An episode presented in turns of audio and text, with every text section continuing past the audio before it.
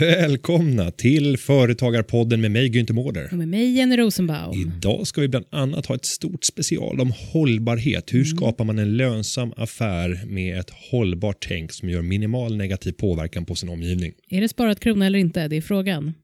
Och Vi har även fått en fråga från Mimmi i Varberg som har en företagsidé och hon kämpar och sliter och marknadsför och gör allt man kan tänkas. Men det svarar inte. Vad gör hon för fel? Välkommen till Företagarpodden. Nu, kör vi!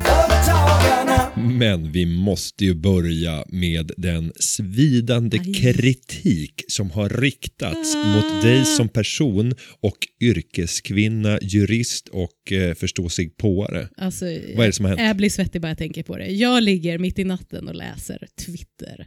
Nej, då kommer det upp följande från Robert Paulsson. Det här med övervakning i smyg. Stämmer inte detta då? Och en länk till transport.se med en lång artikel om att man inte får övervaka sina anställda i smyg. Åh, vad jag blev stressad. Ja, och jag blev ju också stressad och tänkte så här.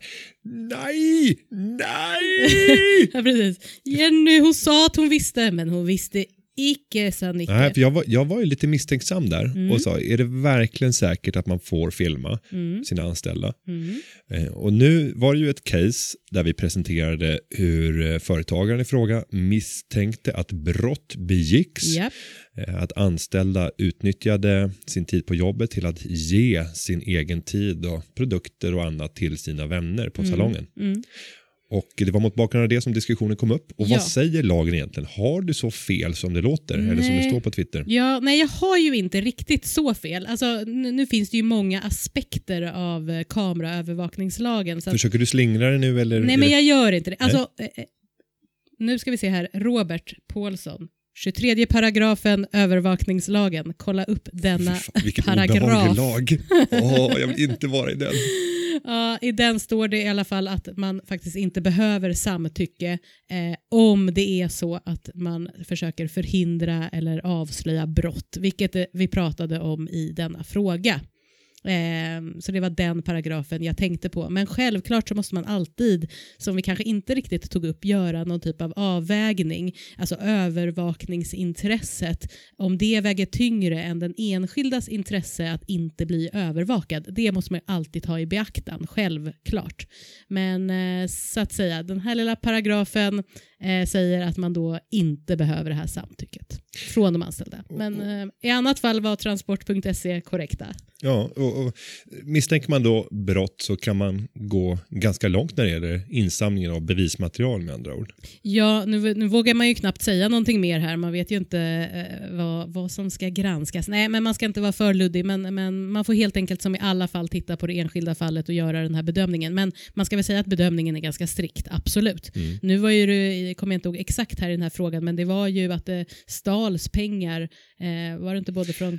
Nej, det de gav inte gratis- gratis- gratis behandlingar Just det, just det. eh, och därmed också produkter som Ja. användes och, till Mm. vänner och, och bekanta. Mm.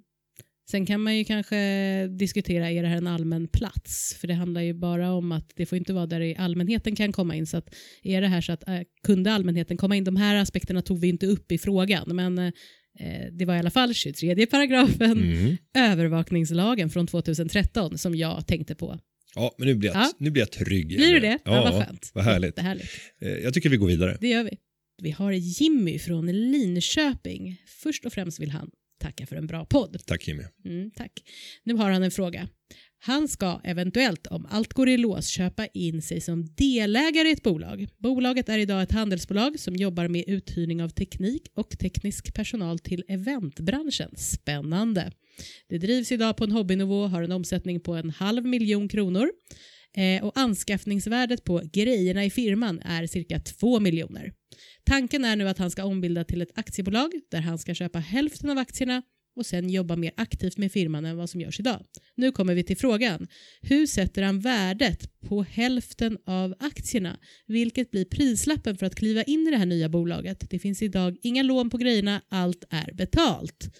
Vad säger du Günther? Det finns ju massa Mm. här olika modeller som man ska räkna Ja, värdet från? Först blev jag nervös Ja. när han pratade om handelsbolag och att köpa in sig. Mm, För varför där, blev du det? Nej, för där vill jag ta upp en flagga och bara vifta hejvilt och säga passa dig noggrant för Mm. att gå in i ett, i ett eh, handelsbolag som har drivits under många år. Mm. För att när man går in i ett handelsbolag då kommer ju du att bli solidariskt ansvarig inför bolagets alla förpliktelser och även historiska händelser. Så skulle det plötsligt dyka upp saker från historiken som eh, gör att du blir skadeståndsskyldig eller andra saker som gör att du kan lida skada ekonomiskt ja då är det du som är ansvarig Mm. som är bolagsman Mm. idag.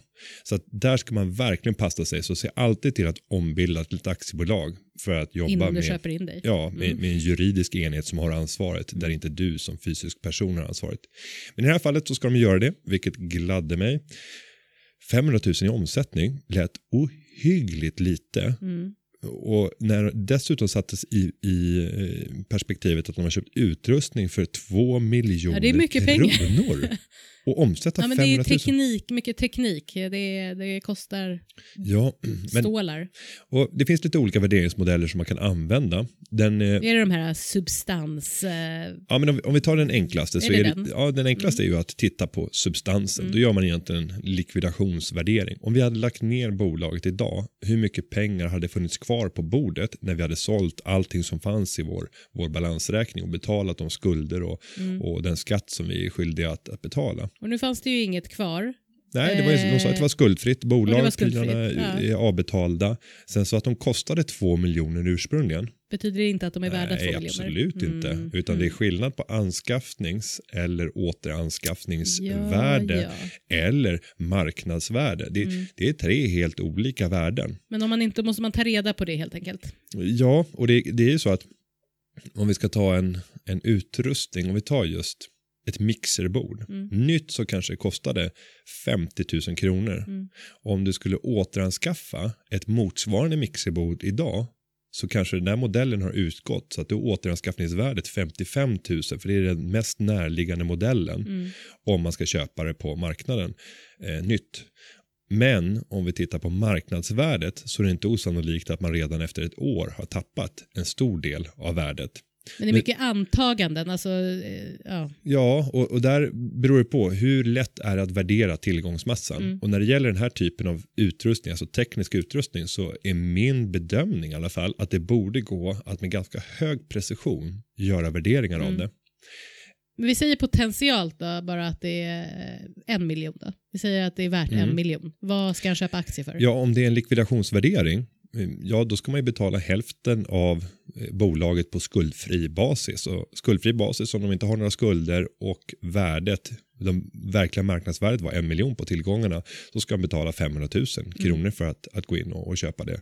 Det är naturligtvis ett, ett väldigt lågt värde eftersom det även finns en typ av förädling. Det finns en kundlista, en Mm. upparbetad kundstock som man förhoppningsvis jobbar med och utvecklar. Och bolagets omsättning kanske växer så det knakar just nu. Men Men den att- är svår att göra just i dagsläget kanske. Ja, jag skulle behöva mer fakta om Mm. hur ser tillväxtpotentialen ut för den här typen av, av verksamhet. Vilken lönsamhet har man som stor aktör inom det här området? För att, att omsätta 500 000 kronor, du kan inte ens försörja en medarbetare på det. Det, det går inte. Alltså inte en ensam företagare Mm. kan försörja sig på 500 000 kronor om du dessutom sitter med så stor tillgångsmassa. För Mm. förmodligen så ska du återanskaffa grejer och det är för, förmodligen försäkringar kopplade till Nu är ju tanken i och för sig att han ska gå in då Mm. i bolaget och eh, dra in en herrans massa pengar kanske. Ja, och eh, det är klart att när man väl sitter med mycket utrustning Mm. så handlar det om att kränga, att Mm. hyra ut är det väl i främsta. Mm. Eh, är det att hyra ut? Nej, Kränga är Det var- väl att... eh, Jo, jo men var det, var det att kränga eller var det att hyra ut? Det var eh, inte en uthyrningsbusiness. Nej, det var alltså... Jo, det varu- var precis. Uthyrning av teknik och teknisk personal till eventbranschen. Ja, Det kanske är ett mixerbord. Mm. miljoner kronor måste vara försvinnande låg. Mm. För att det är inte otänkbart att man kan ligga på en, en snitthyra på 25 000 kronor per, liksom, för det måste vara feta grejer alltså. Men är det den här, för jag tänker nu om man pratar om de här värderingsmodellerna, är det eh, du som kan detta, eh, den här modellen vi pratade om nu, det är ju en modell, men sen finns det ju andra modeller och då kanske man får ett annat svar, eller? Hur Ja. mycket de är värda. Jag tänker det är det hans fråga ändå är. Hur, vad ska han köpa in sig för? Ja, för näst, nästa sak att värdera Mm. det är ju eh, hur mycket utdelningar kan man få från det här bolaget Mm. under en överskådlig framtid. Och om vi diskonterar det, alltså tar hänsyn till att det finns en alternativ ränta där ute på marknaden som man Mm. hade kunnat placera pengarna i. Ja, vad är då nuvärdet av de framtida utdelningarna? Det är också en, en värdering Och att då göra. tittar man några år bakåt och några år framåt? Eller Nej, man tittar ju egentligen bara framåt, Mm, för det är okej. det du köper in dig i. Mm. Så försöker man göra en skattning. Hur stora vinster kan det här bolaget göra för Och då hade han kommande åren? fem, förlåt att jag avbryter det nu, men då hade han, vad hade han, en halv miljon och då är det I omsättning, i ja. omsättning, det är inte vinsten. Så att, eh, Nej, så att om man skulle göra en sån typ av värdering och börja titta på, på, på alltså resultatet kan ju omöjligtvis vara speciellt högt Mm. med tanke på att det finns en personalkostnad kopplat till det här och det finns mängder av kostnader förknippade med uthyrningsverksamheten, marknadsföring, hålla en... Jimmy, de får ge dig aktierna. Det Ja, nej, värt, men- det här är nej. inte värt mycket. Nej, det är det inte, Nej. utan det, det är en likvidationsvärdering Mm. som man ska titta på, det är ju utrustningen och att få vara med där. Mm. Och jag tror att de hade kunnat gynnas av att ta in personer som på franchisebasis får jobba med att hyra ut de grejer som de sitter med. Alltså en fristående säljare som har alla incitament att eh, hyra ut Mm. men som får köpa in sakerna när man ska hyra ut då eller hyra dem billigt så att man det blir nästan som en kommissionsaffär Mm. att den här franchise-säljaren jobbar med att hyra ut lite dyrare än vad den personen får hyra utrustningen från, från dem. Mm. Eh, För att värdet på ett sånt där bolag är försvinnande litet i dagsläget. Sen om man ska göra andra typer av värdering, om det här hade varit ett större företag som hade knallat och gått och hade tio års historik och har gjort vinst de senaste fem åren och är relativt moget. Ja, då kan man göra en multipelvärdering och titta på vad är andra bolag av motsvarande storlek och art värda. Mm. Det finns, verkar finnas många olika modeller eh, av hur man värderar. För att ofta känns det som att man tror själv att företaget, alltså ska man sälja då är företaget värt jättemycket. Mm. Och ska man köpa då är företaget inte värt så mycket.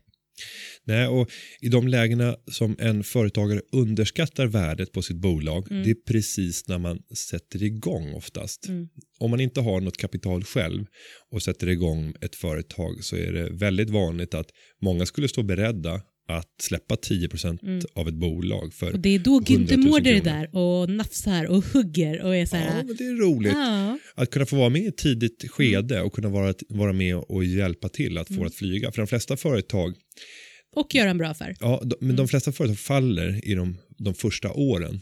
Eh, Det är väldigt, det är mycket mindre säll, eh, eller det- är mer sällsynt att man efter fyra, fem år upptäcker att nej, det här funkar inte. Mm. Eh, Så att de flesta har en kritisk period där de första två åren där man utvärderar och, bestämmer sig för om man ska köra vidare. Mm. Men en ganska enkel, ett ganska enkelt värderingsmått som man kan använda, som jag använder rätt ofta, det är att titta vad, beta, vad betalar marknaden för pris för den här typen av bolag. Och då tittar jag på börsen. Mm. Eh, Nu finns det ingen, inget bolag på börsen som hyr ut musikutrustning. Men om du tittar på olika branscher så kan man se hur många gånger årsvinsten betalar man för bolaget. Och det, det brukar man kalla PE-tal, price per earnings. Så priset på bolaget dividerat med vinsten på bolaget. Och då kan vi säga att generellt på börsen så brukar man betala mellan som lägst neråt 10, då är det riktigt billigt 10 gånger årsvinsten och som Mm. högst upp mot 20 gånger årsvinsten och då är det väldigt dyrt. Så vi måste få reda på vad vinsten var om det nu var någon vinst på detta bolag. Ja. För att räkna ut. För att göra en, Ja. en värdering. Mm. Och, den värderingen skulle bli ohyggligt låg. Mm. För att 500 000 är ju någonstans Jag taket för Mm. vad man överhuvudtaget Mm. kan tjäna eftersom omsätt, omsättningen låg där. Mm. Och jag skulle tro att, att vinsten bara är på några tiotusentals kronor eller högst 100 000. Och även om vi skulle sätta 20 i P tal så skulle värdet vara 2 miljoner Mm. kronor och då är det i paritet med ja, nyanskaffningsvärdet på prylarna Ja, som finns i balansräkningen. Mm. Så att eh, det är en svår modell att göra. Sen får man inte göra misstaget som företagare att man jämför rakt av med börsen. För att börsen är någonting helt annat. Där finns det ju faktiskt en regler, alltså en Och, marknadsplats som funkar. och det är etablerat på Ja, något så sätt. att jag brukar alltid sätta en rabatt när man kommer i den privata kontexten. Mm. Det där stämmer inte alltid. För i vissa lägen så betalar man mer för bolag som befinner sig utanför börsen. Men det är rätt sällsynt. Mm. Så att för dig som driver ett, ett bolag så ska du aldrig kopiera den, den multipel eller så många gånger årsvinsten man betalar för ett börsbolag och sätta det på ditt eget. Däremot så kan man också fundera över hur skapar man värde i ett företag? Och då brukar jag säga att du måste göra bolaget oberoende av dig själv. Så att när du bara kan lämna och säga åt dina medarbetare att fortsätt, åk iväg ett år, kom tillbaka och bolaget har fortsatt utvecklas på samma fina sätt som du gjorde med dig inblandad. Mm. Då finns det ett värde i företaget. För då har du byggt en struktur som överlever sig själv. Och de flesta företagare kan aldrig åka ifrån sitt jobb Nej, ett år och sen komma tillbaka. De flesta utan kan knappt åka förfallit. iväg på en semester. Nej, nej det är det vanliga. Och ändå så tror man att Mm. företaget är min pension, får jag ofta höra. Och det där är helt fel Mm. Så använd den tumregeln. Kan jag åka iväg på en jorden runt-resa ett år och Nej, komma tillbaka, kan alltså. då finns det ett väldigt bra värde. Och kan jag inte göra det, då måste man fundera över hur kan jag bygga en struktur som skulle möjliggöra Mm. för mig att göra det? Tänk framåt. Nästa fråga är, hur stora kostnader skulle en sån förändring vara förknippad med? För det är Mycket, klart för du man måste ha måste ta in mycket- personal, mm. man måste sätta nya strukturer, man måste lägga om hela sitt eget arbete. Och helt plötsligt så kanske man inser att, vänta nu, om jag gör de här förändringarna, då finns det ingen vinst kvar. Men då har du drivit bolaget på ett felaktigt sätt. Då finns det egentligen inte ett erbjudande som är tillräckligt starkt i det du gör Mm. för att det ska vara varaktigt. För att allt är beroende av dig. Intressant, du har så många ny, ny, mycket nytänkande för mig. Jag vet Det- inte. Men... Nej, det vet du inte, men det, det gillar jag. Nej, men det, gäller, det gäller att, att hela tiden fundera över hur kan man få saker att, att knalla och gå. För att man pratar ju om passiva inkomster. Mm. Eh, om man ska bygga en, en finansiell förvaltning så gäller det att hitta tillgångar där du inte själv behöver engagera dig speciellt djupt. Utan du kan bara köpa och luta tillbaka. Och många blandar ju ihop sitt eget företagande med den här typen av finansiella investeringar. Men nu hade jag tänkt att släppa in en gäst här idag som eh, jag har intervjuat. Och eh, det handlar om hållbarhet. Eh, Vad vi märker hos våra medlemmar i Företagarna är att många vill arbeta med hållbarhetsfrågor men inte riktigt vet hur. Jag kan tänka mig att det kanske inte är de första frågorna som kommer till rådgivningen, eller? Eh, nej, det kan jag inte påstå att det är. Nej, Nej. det är ju inte av det skälet som man ringer till den juridiska rådgivningen. Det skulle kanske kunna vara, ibland ringer man av alla möjliga orsaker, men eh, nej. Nej, Mm. annat än om det skulle vara en juridisk Mm. dimension på det. Men jag har eh, träffat Johan Gennemy som har eh, hjälpt till att utveckla en hållbarhetssida åt företagarnas medlemmar där vi ger hjälp och tips, inspiration, självskattningsverktyg så att man ska kunna utveckla sin affär och skapa en mer lönsam business med hjälp av ett hållbarare tänk. Mm. Ska vi lyssna på vad han har att säga? Det tycker jag verkligen vi ska göra. Varsågoda. Företagarna. Då sitter jag här med Johan Genneby från Beyond Intent. Välkommen till Företagarpodden. Tack så mycket. Stabilt. Nu tänkte jag att vi omedelbart ska kasta oss in i en diskussion om företagens hållbarhetsarbete. Men till att börja med så måste ju du få sätta tonen. Vem är du och vad gör du via Beyond Intent? Jag är managing partner för en liten konsultbyrå. Eh, Vi är fem partners som jobbar med hållbarhet som, som centralt eh, tema, men vi arbetar också inom internationell affärsutveckling och eh, internationellt utvecklingssamarbete. Men där, där grunden för alla våra insatser vi gör är att arbeta hållbart och omsätta ambitioner i realiteten. Och mycket fluffiga ord där. Mm. Om man ska försöka konkretisera det till en mening, vad, vad blir det? Nej, vi, vi hjälper företagen helt enkelt, eller organisationer i de fallen där man har, där man har målsättningar, ta fram tydliga målsättningar så man kan veta vad man, vilket håll man strävar åt och sen att implementera det, att hjälpa till med att ta fram planerna, eh, omsätta det i, i projekt som man sen kan följa upp och veta att man faktiskt har uppnått det man vill. Och om jag skulle försöka, om någon hade frågat mig, vad gör, vad gör du? Nej, men Johan han, han jobbar med att hjälpa företag att eh, bli mer stabila och lönsamma men samtidigt ta ett större ansvar för sin omgivning. Det är bra sammanfattat. Ja. Du har ju också hjälpt företagarna i, eh, under flera års tid va? Och eh, bland annat tagit fram rapporter som ger svar på hur ser småföretagare på just hållbarhetsarbetet. Det är mycket snack men hur ser det verkligen ut om vi börjar grotta ner oss i siffror? Egentligen, vi började förra året i, i mars med att på allvar börja prata om hur, det här, hur ett hållbarhetsarbete med företagarna skulle kunna utvecklas.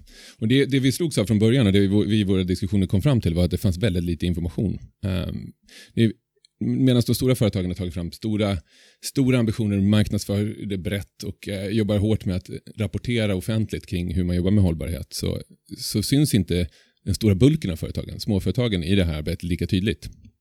Så det vi inledde med att göra var att vi, gjorde en, vi tog fram en undersökning helt enkelt som riktades till, till företagarnas medlemmar i den medlemspanel man har.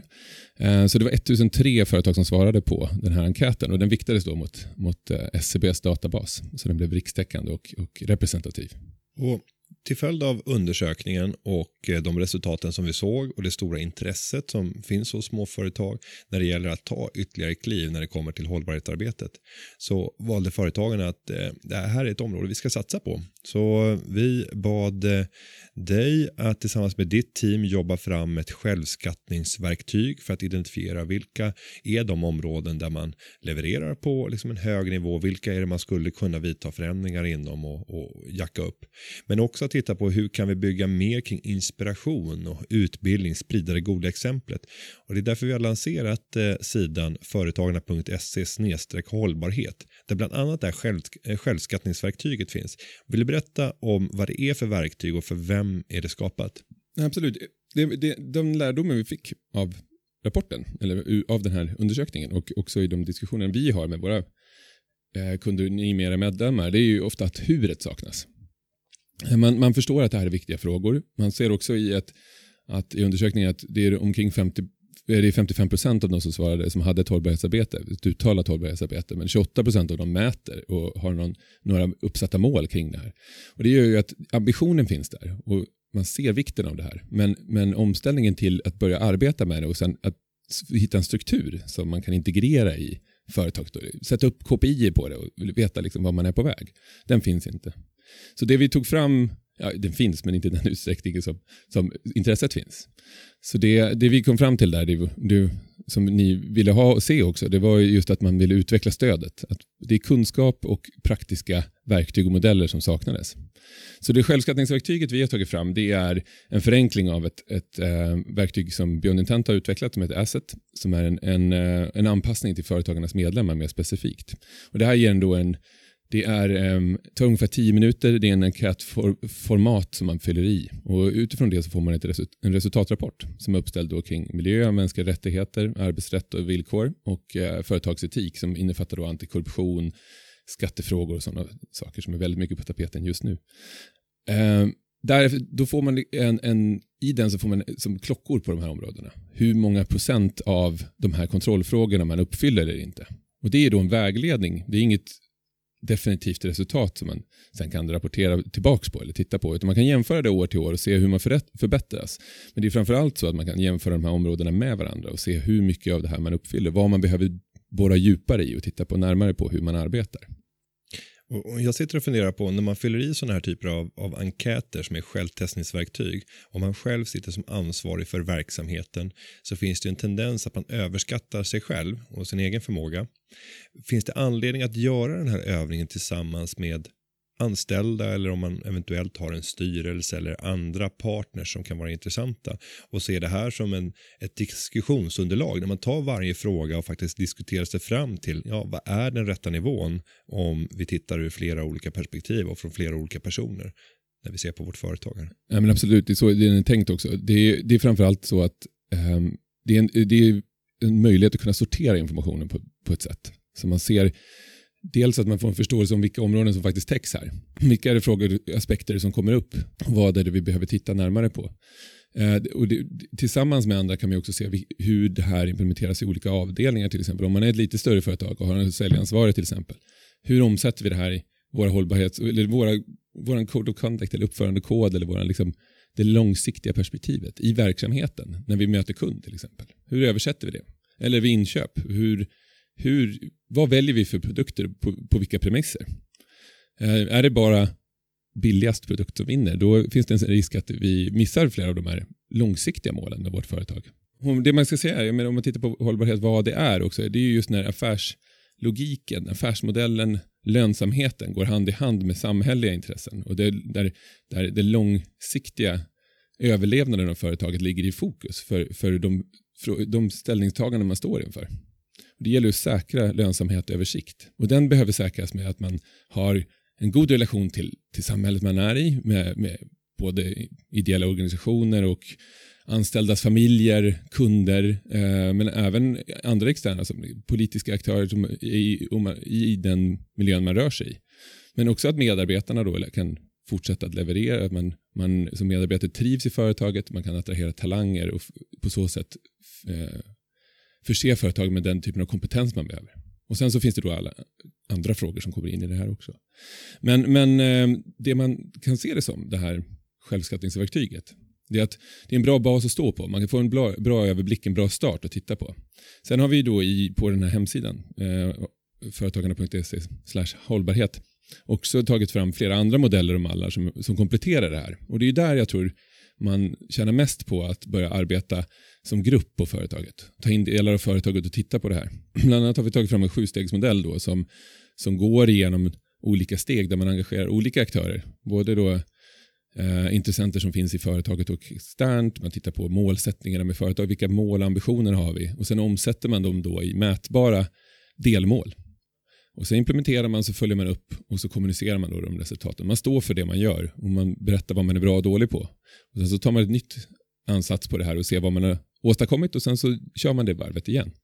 Och det är på så sätt, det här liknar ju jättemånga andra managementmodeller och affärsmodeller också, att man, man, man define, re, redefine och sen så, så utvecklar man produkterna. På samma sätt är det med hållbarhetsarbetet, att man behöver kontinuerligt arbeta med det här för en förbättring.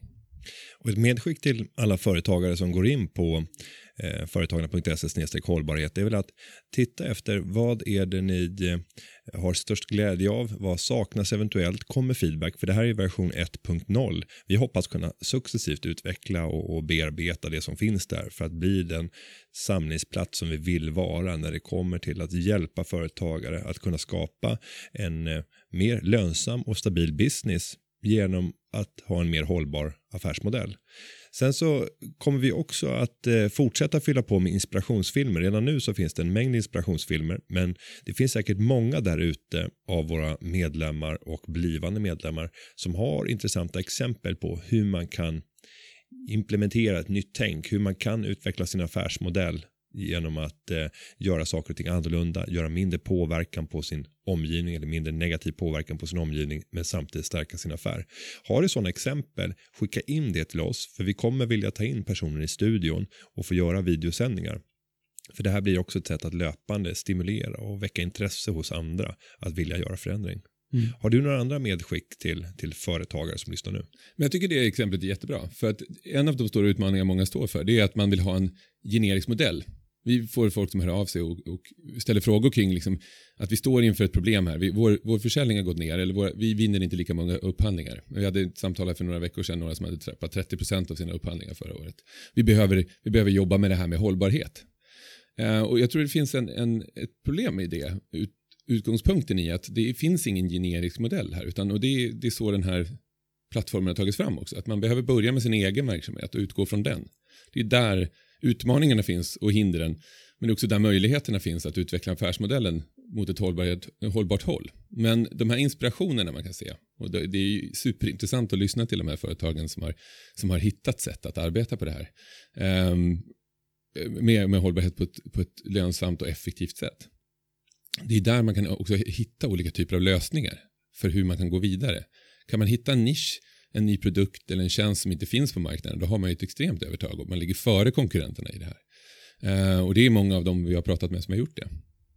Ja, det kommer tveklöst födas en enorm marknad för de som vågar utmana, tänka annorlunda, komma upp med en annan typ av produktion som gör att man vinner nya typer av kunder. Eh, det ska bli spännande att fortsätta det här eh, arbetet och även att få jobba tillsammans med er. Jag säger stort tack till Johan för att du kom till Företagarpodden. Tack så mycket Günther. Tack. Då är jag tillbaka här med Jenny Rosenbaum. Visst. Vad var dina reflektioner efter att ha lyssnat på Johan? Alltså jag måste ju erkänna, man bara pratar så här äh, hållbarhet, så där, bara säger det och jag tror inte många vet exakt vad det är. Nej, så det var bra att liksom alltså försöka definiera det här lite mer. Alltså så. Jag försökte ju ta honom lite på mm, pulsen mm, där mm. när det gäller att svara på en fråga. Mm. Arbetar ditt företag med hållbarhet idag? Mm. Ja. Nej, det är svårt, att, Ja, det är svårt. Vad, vad man lägger i begreppen. Jag känner en rädsla ibland när det kommer till hållbarhetsarbete att det riskerar att bli en pappersprodukt. Hur tänker du då? Jo, men just det här att eh, Alltså bara en rapport? typ, Ja, man tittar på hur man kan jobba med att kartlägga och rapportera Mm. och, och att det snarare blir ett sätt att kunna säga att vi, upp, vi uppfyller ett antal krav Mm. eller normer eller liknande för att få en stämpel eller liknande. Men i grunden så handlar det om ett, ett tänk. Eh, Och jag sitter och funderar på mitt personliga tänk med, med sparad krona. Jag kan, Ja, för han pratade ju där om lönsamheten och då tänkte jag direkt på dig. Mm, är det sparad krona eller är det inte sparad krona? Nej, men ibland så finns det en konflikt mellan det kort och långsiktiga Mm. här. Vad som är kortsiktigt mest motiverat Mm. är inte alltid det långsiktigt mest motiverade. Och I det kortsiktiga perspektivet så kan det ibland vara ekonomiskt lönsamt att ta genvägar men det kommer att straffa sig långsiktigt. Och, och där kan det då bli en konflikt mellan olika typer av företagare. Men är det här enligt dig eller enligt honom? För jag tänker att om man håller på med, med hållbarhetsfrågor då vill, vill man väl ha det långsiktiga.